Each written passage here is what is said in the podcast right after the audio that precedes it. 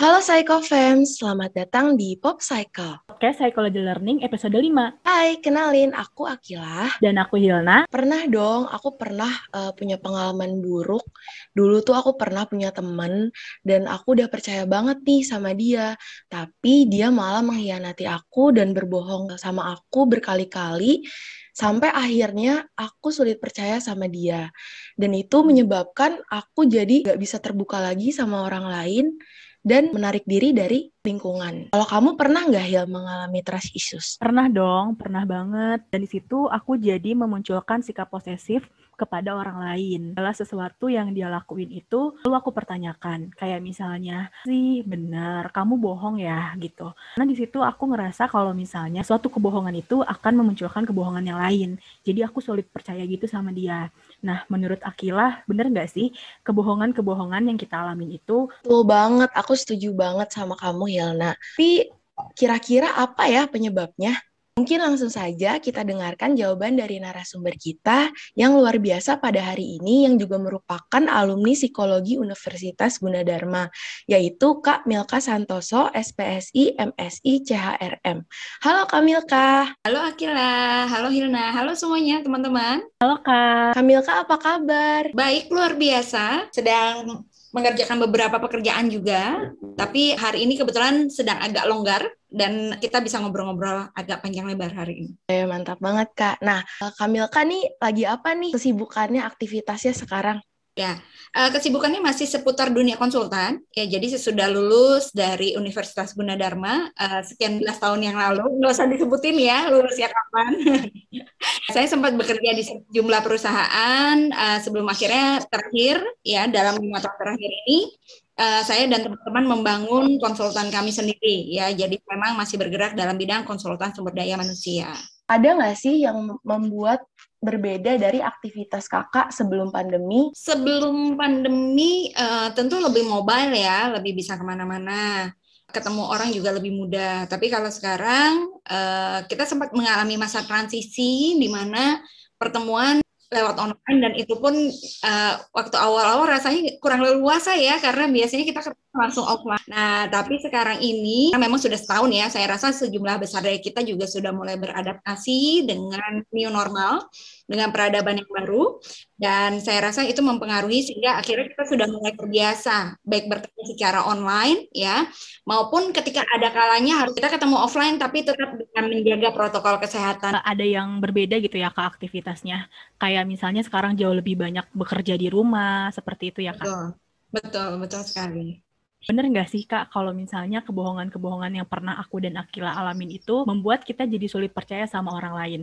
Entah itu pasangan, teman, keluarga, atau bahkan kita ketika ketemu sama orang lain, kita jadi takut gitu lah untuk dar bersapa. Betul. Ya, jadi uh, pada dasarnya apa yang kita alami di masa lalu bisa mempengaruhi bagaimana kita mempersepsikan keadaan yang kita hadapi saat ini maupun keadaan yang kita hadapi di masa depan. Ya, jadi pengalaman-pengalaman kita, terutama pengalaman-pengalaman kita waktu kita kecil gitu ya, itu sangat mempengaruhi uh, level tingkat kepercayaan kita kepada orang lain. Ya, ketika kita dibesarkan tanpa rasa aman, ya, kita cenderung akan sulit untuk mempercayai orang lain yang saat ini ada di dalam kehidupan kita. Ya, tadi Mbak Hilna sempat uh, sampaikan ada pasangan, ada teman gitu ya. Atau mungkin kalau nanti kalian bekerja, kalian akan bertemu dengan orang-orang yang rekan kerja, bawahan gitu ya akan sulit untuk bisa mempercayai mereka dengan cepat jika dari kita sendiri tidak memiliki rasa secure di dalam. Ya, jadi itu yang memang uh, akhirnya mempengaruhi uh, apakah kita bisa mempercayai orang lain dengan proporsional atau tidak. Jadi memang pengalaman-pengalaman masa lalu tuh berdampak banget ya Kak untuk kelangsungan hidup kita di masa depan. Nah, hmm. menurut Kak Milka, uh, trust issue itu apa sih Kak secara definisi? Oke, okay, trust issue. Nah, ini kita definisi secara uh, mudah dulu ya. Kalau kita bicara trust itu kepercayaan, issue ya itu bicara soal masalah gitu ya atau uh, persoalan ya. Jadi kalau secara sederhana kita bisa definisikan bahwa trust issue ini adalah uh, masalah di dalam kepercayaan ya. Nah, tetapi ya kalau kita besarkan ya ketika kita bicara soal trust issue ini bukan cuma bicara orang yang sulit untuk mempercayai orang lain ya secara definisi luasnya kita akan lihat bahwa trust issue ini juga termasuk orang yang begitu mudah ya. Dia gampang banget percaya gitu ya atau istilahnya kita lu gampang banget sih dibohongin gitu ya. Lu gampang banget sih percaya sama orang naif gitu ya. Nah itu juga merupakan trust issue ya. Tapi memang kalau kita mau definisikan secara lebih mengerucut ya seperti yang tadi disampaikan oleh Akila disampaikan oleh Hilna bentuk nyatanya yang sering kali kita temukan dalam kehidupan kita sehari-hari adalah sulit untuk mempercayai orang lain karena misalnya pernah mengalami pengalaman dibohongi yang bekas lukanya tuh dalam ya. Nah, kurang lebih seperti itu gambarnya. Baik, Kak. Berarti uh, dari trust issues itu sendiri uh, dari pengalaman masa lalu kita yang bisa berdampak pada masa sekarang gitu hubungan kita orang lain gitu ya kan kak mempercayai yang lebih cepat ataupun mempercayai mempercayai orang lain hmm. kira-kira kenapa sih kak kita bisa mengalami trust issues gitu penyebabnya apa gitu ya kira ya jadi gini kira, ketika kita berada di dalam masa perkembangan kita awal gitu ya, kalau kita kembali ke teori yang dasar banget nih di teori psikologi perkembangan, lima tahun pertama adalah golden age-nya kita ya. Nah, pengalaman kita selama lima tahun pertama itu mempengaruhi ya bagaimana dasar-dasar karakter kita terbentuk ya. Lalu selain itu juga ada pola asuh dari orang tua ya. Jika orang tua kita mendidik kita dengan cara hati-hati jangan lari-lari nanti jatuh gitu ya. Kamu jangan naik sepeda nanti kamu kakinya besut-besut gitu ya.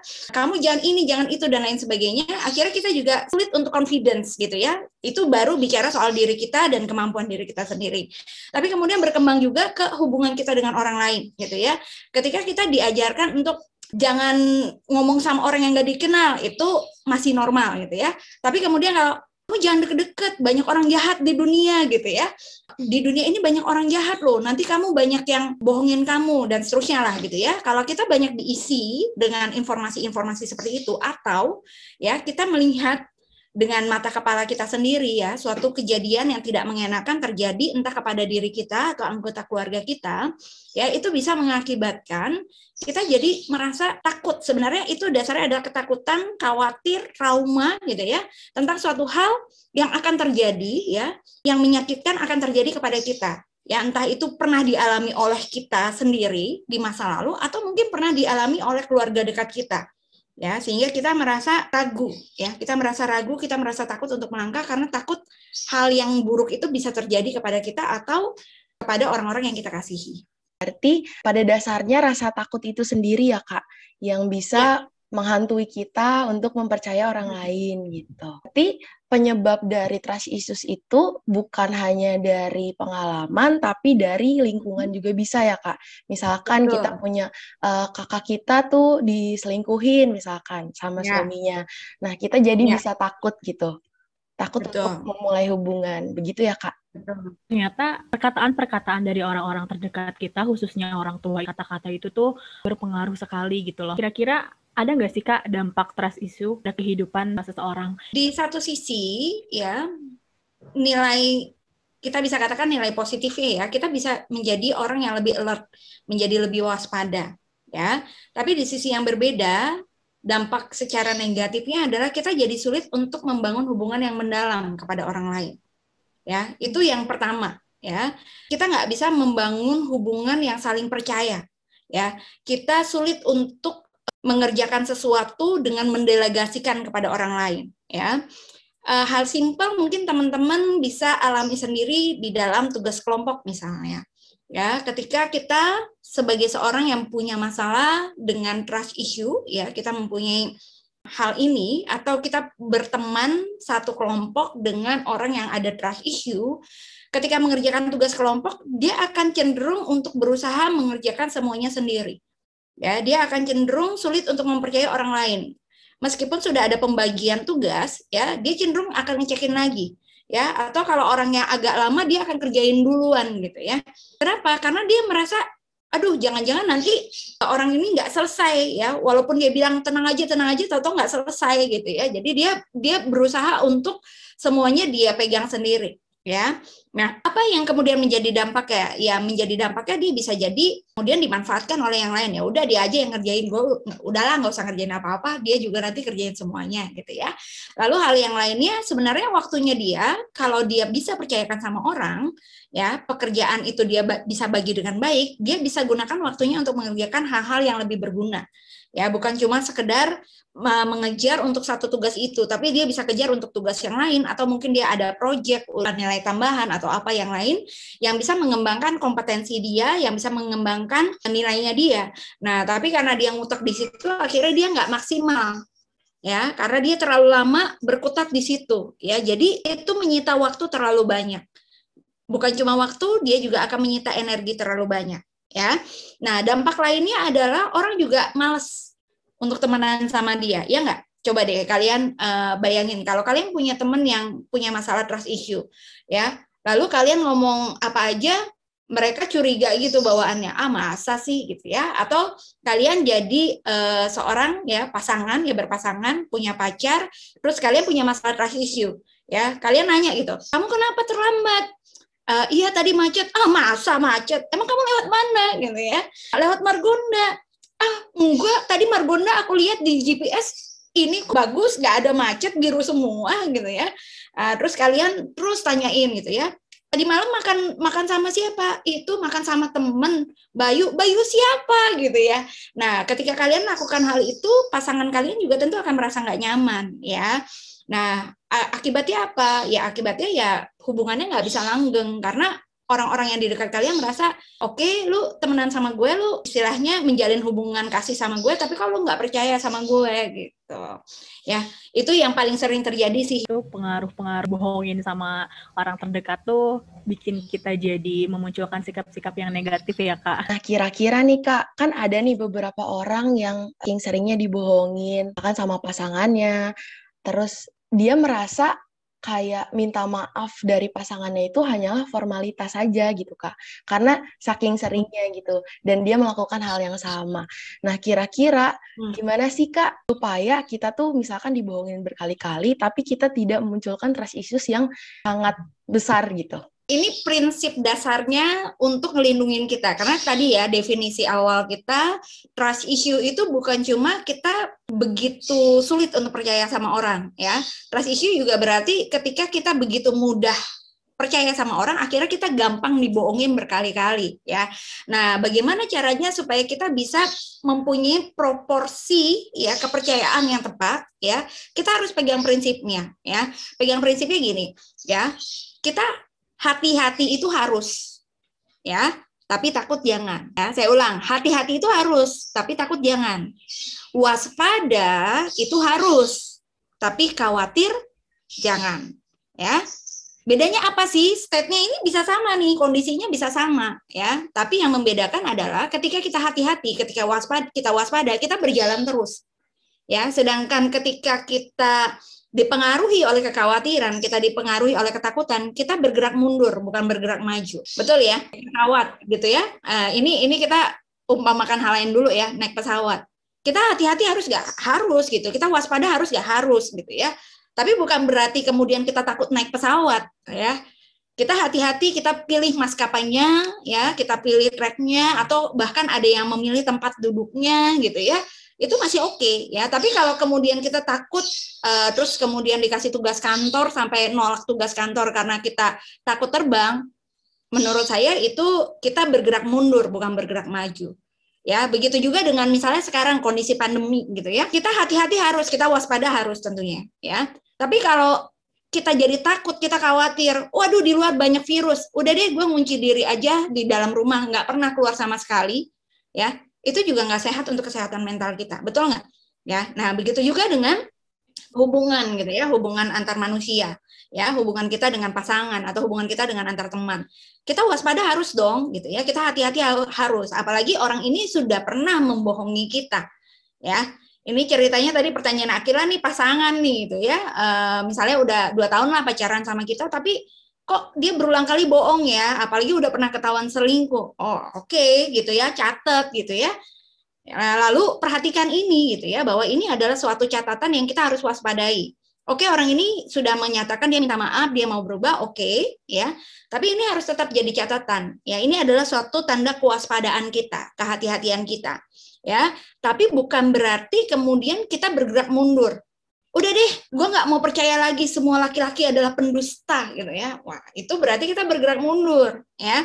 Tapi kalau kita mau tetap bergerak maju, kita berjalan dengan kehati-hatian, kita bergerak dengan kewaspadaan, ya.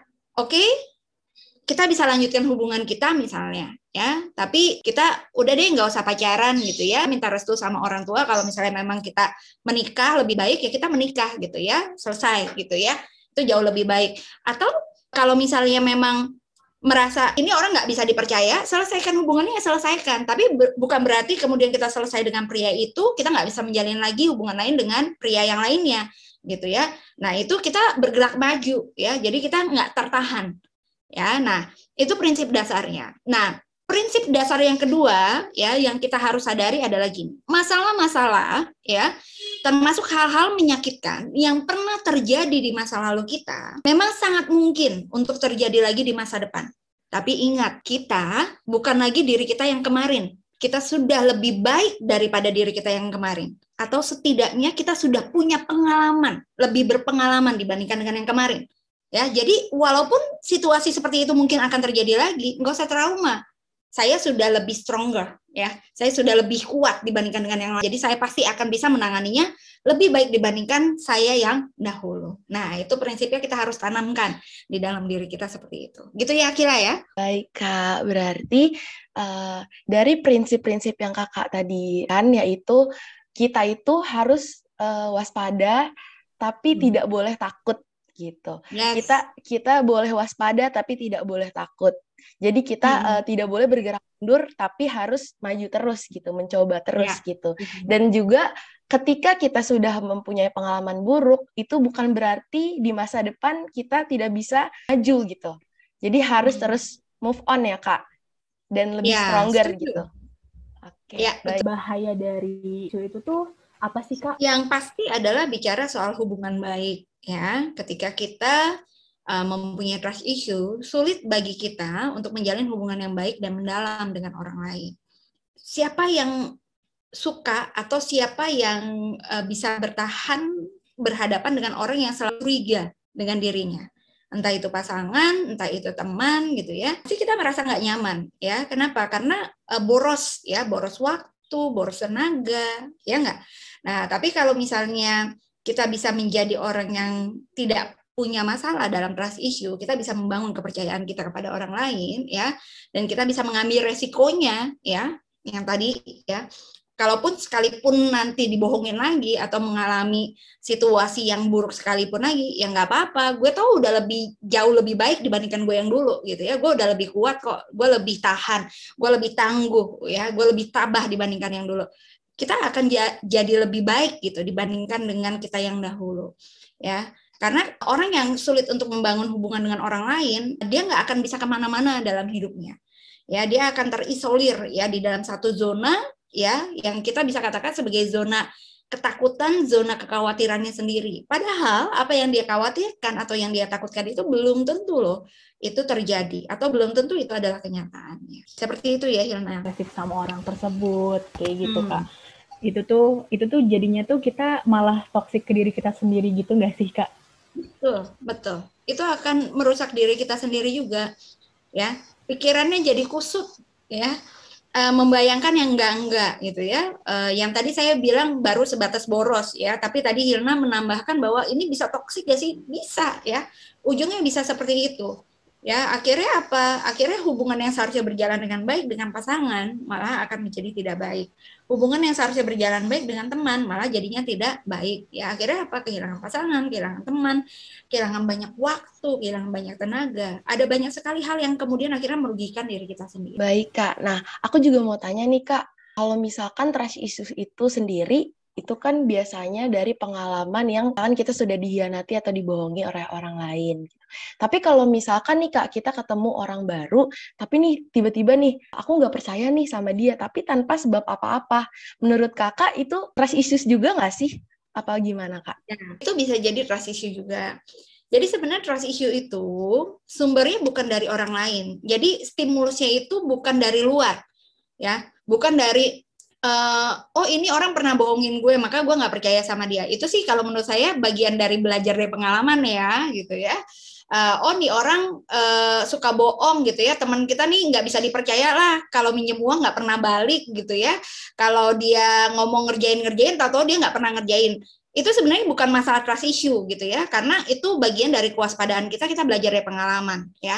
Tapi kalau yang tadi disebutkan oleh Akila ya menurut saya itu jauh lebih merupakan trust issue. Kita nggak pernah ketemu sama orang itu tapi kita merasa eh, nggak uh, percaya gitu ya. Padahal padahal sebenarnya sih nggak ada stimulus apa-apa gitu ya. Nah itu sebenarnya memang karena alasannya dari dalam diri kita ya. Stimulusnya bukan stimulus. Pendorongnya itu dari internal ya untuk kita tidak mempercayai orang termasuk orang yang baru saja kita kenal. Ini bisa jadi persepsi dari dalam diri kita sendiri ya kak terhadap ya, orang betul. lain gitu. Oke ya. baik.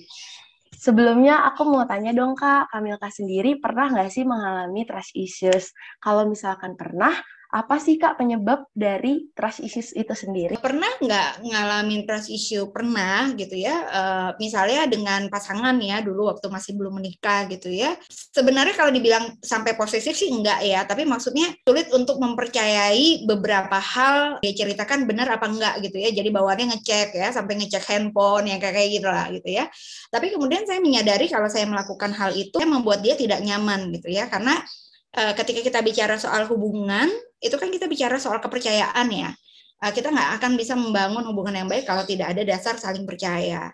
Ya akhirnya ya udah let it go gitu ya. Um, ya kalau saya ingin melanjutkan hubungan sama dia berarti ya saya harus belajar mempercayai dia gitu ya. Jadi akhirnya saya merelakan diri untuk membangun kepercayaan dengan uh, sekarang sudah jadi suami ya dengan uh, mantan pacar yang sekarang jadi suami gitu ya. Nah, bersyukur gitu ya. Sekarang uh, usia pernikahan kami sudah 13 tahun ya dan uh, puji syukur um, ya doakan biar langgeng terus sampai kakek nenek sampai akhir hayat memisahkan ya. Kakak sendiri menghadapinya itu dengan cara mengikhlaskan dan mencoba iya, percaya betul. gitu ya, Kak. Iya, betul. Nih, kalau misalkan ada seseorang yang benar-benar susah gitu Kak untuk percaya lagi hmm. dan benar-benar dia udah trauma, udah susah buka lembaran baru sama misalkan pasangan baru karena dulu pernah dihianati yang benar-benar hmm. bikin sakit gitu. Kira-kira hmm. itu gimana Kak cara mengatasinya? Yang pertama, yang tadi Akira sampaikan itu betul banget ya. Kuncinya ikhlas kok gitu ya. Kita harus ikhlas bahwa apa pun yang terjadi di dalam kehidupan kita itu sudah ada yang mengaturnya ya. Jadi pengalaman sepahit apa pun yang pernah kita alami ya jangan anggap itu sebagai pengalaman traumatis gitu ya yang kemudian membuat kita jadi tidak berani untuk melangkah lebih maju ya. Tapi lihatlah setiap pengalaman ya termasuk pengalaman buruk yang pernah kita hadapi itu sebagai pengalaman yang berharga. Guru yang terbaik adalah pengalaman. Betul ya? Pengalaman itu adalah guru terbaik kita. Jadi sekalipun kita mendapatkan pengalaman yang sangat buruk sekalipun, ya itu adalah pelajaran berharga gitu ya. Itu adalah guru buat kita.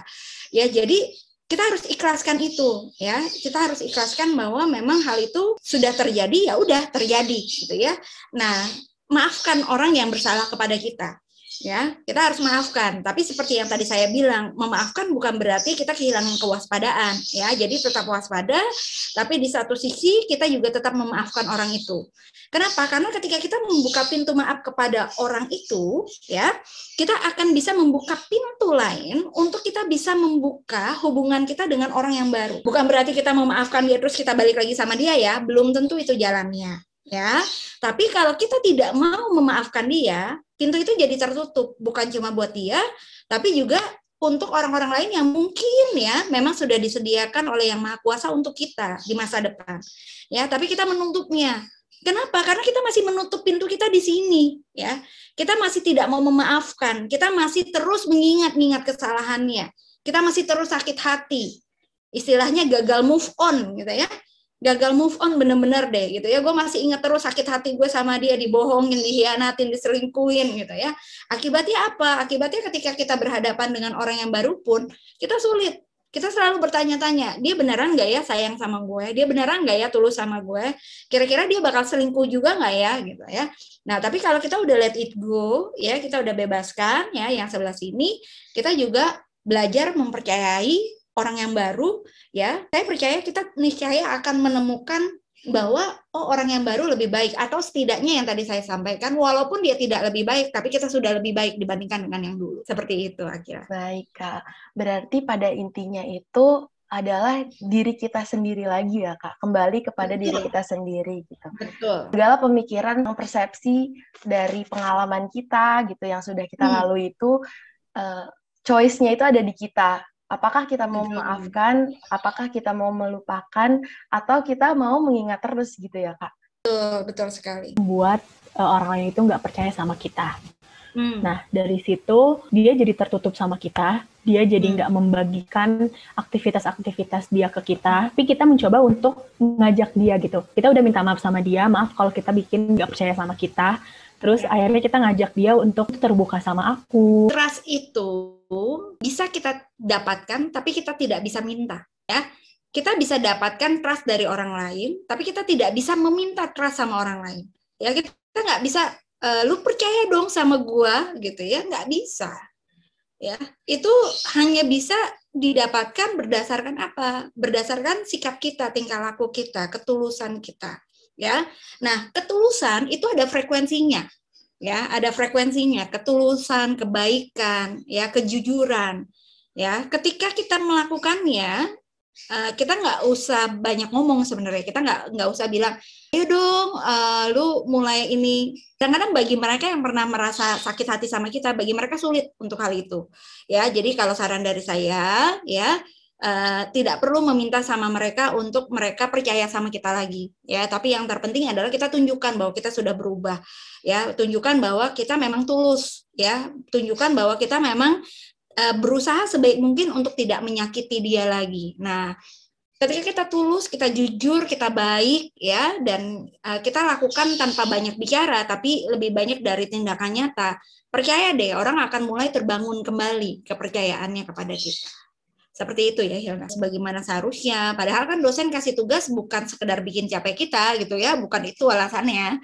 Dosen kan kasih tugas karena ingin ada sesuatu yang kita lakukan untuk mengembangkan pola pikir kita gitu ya. Jadi ketika kita mengerjakan tugas kan kita jadi belajar. Ya misalnya studi kasus gitu ya, kita jadi mempelajari kasus itu. Kita mempelajari dasar-dasar teorinya apa sih yang berkaitan dengan kasus itu dan seterusnya ya. Dan itu percaya deh, itu itu sangat membantu kita ketika kita nanti masuk ke dalam dunia pekerjaan. Ya. Nah, ketika kita cuma ngerjain sendiri, kita membiarkan teman kita tidak melakukannya karena trust issue yang ada di kita. Sebenarnya kita menjadikan teman kita Eh, kita merugikan teman kita ya. Karena menjadikan mereka jadinya nggak belajar ya. Mereka tidak mengembangkan pola pikir mereka. Itu kerugian buat teman kita. Lalu kerugian buat kita apa? Waktu kita yang berharga yang seharusnya kita bisa lakukan untuk uh, mengerjakan hal yang lain akhirnya jadinya tersita ke situ ya. Termasuk energi kita ya termasuk uang kita misalnya buat ngeprint, buat fotokopi, buat ke perpus, buat apa gitu ya.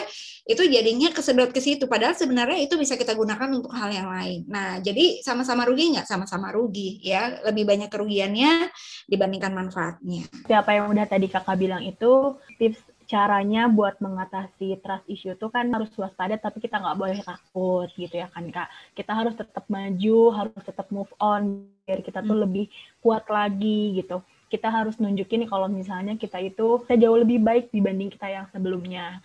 Tips. Kalau kita gali lebih dalam ya mengenai trust issue selain ketakutan ya kita kerucutkan lebih dalam lagi adalah mengenai prasangka trust issue itu paling bottomnya itu adalah prasangka gitu ya. Ketika kita mempunyai prasangka kepada orang lain, maka kita menjadi uh, orang yang punya masalah dengan kepercayaan ya. Uh, kalian tahu ya prasangka ya, prasangka, praduga gitu ya. Kalau di pengadilan di Indonesia ini kita diterapkan praduga tak bersalah ya. Tapi kalau uh, untuk permasalahan trust issue justru sebaliknya, kita ada praduga bersalah gitu ya.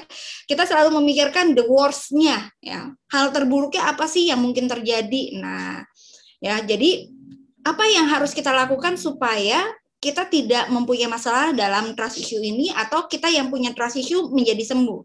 Ya, yuk kita bangun pikiran positif ya, baik mengenai diri sendiri maupun orang lain. Ya, yang tadi saya sampaikan, bangun pikiran positif hari bahwa hari ini saya lebih baik dibandingkan diri saya yang kemarin dan besok saya pasti lebih baik dibandingkan dengan diri saya hari ini. Jadi masalah apa pun yang terjadi hari ini ya, yang saya kalah, yang saya menderita, yang saya sakit hati, ya, besok saya belum tentu akan mengalami hal yang sama atau sekalipun saya mengalami hal yang sama, saya sudah lebih kuat, saya sudah lebih pengalaman, saya sudah lebih tahu bagaimana cara menghadapinya.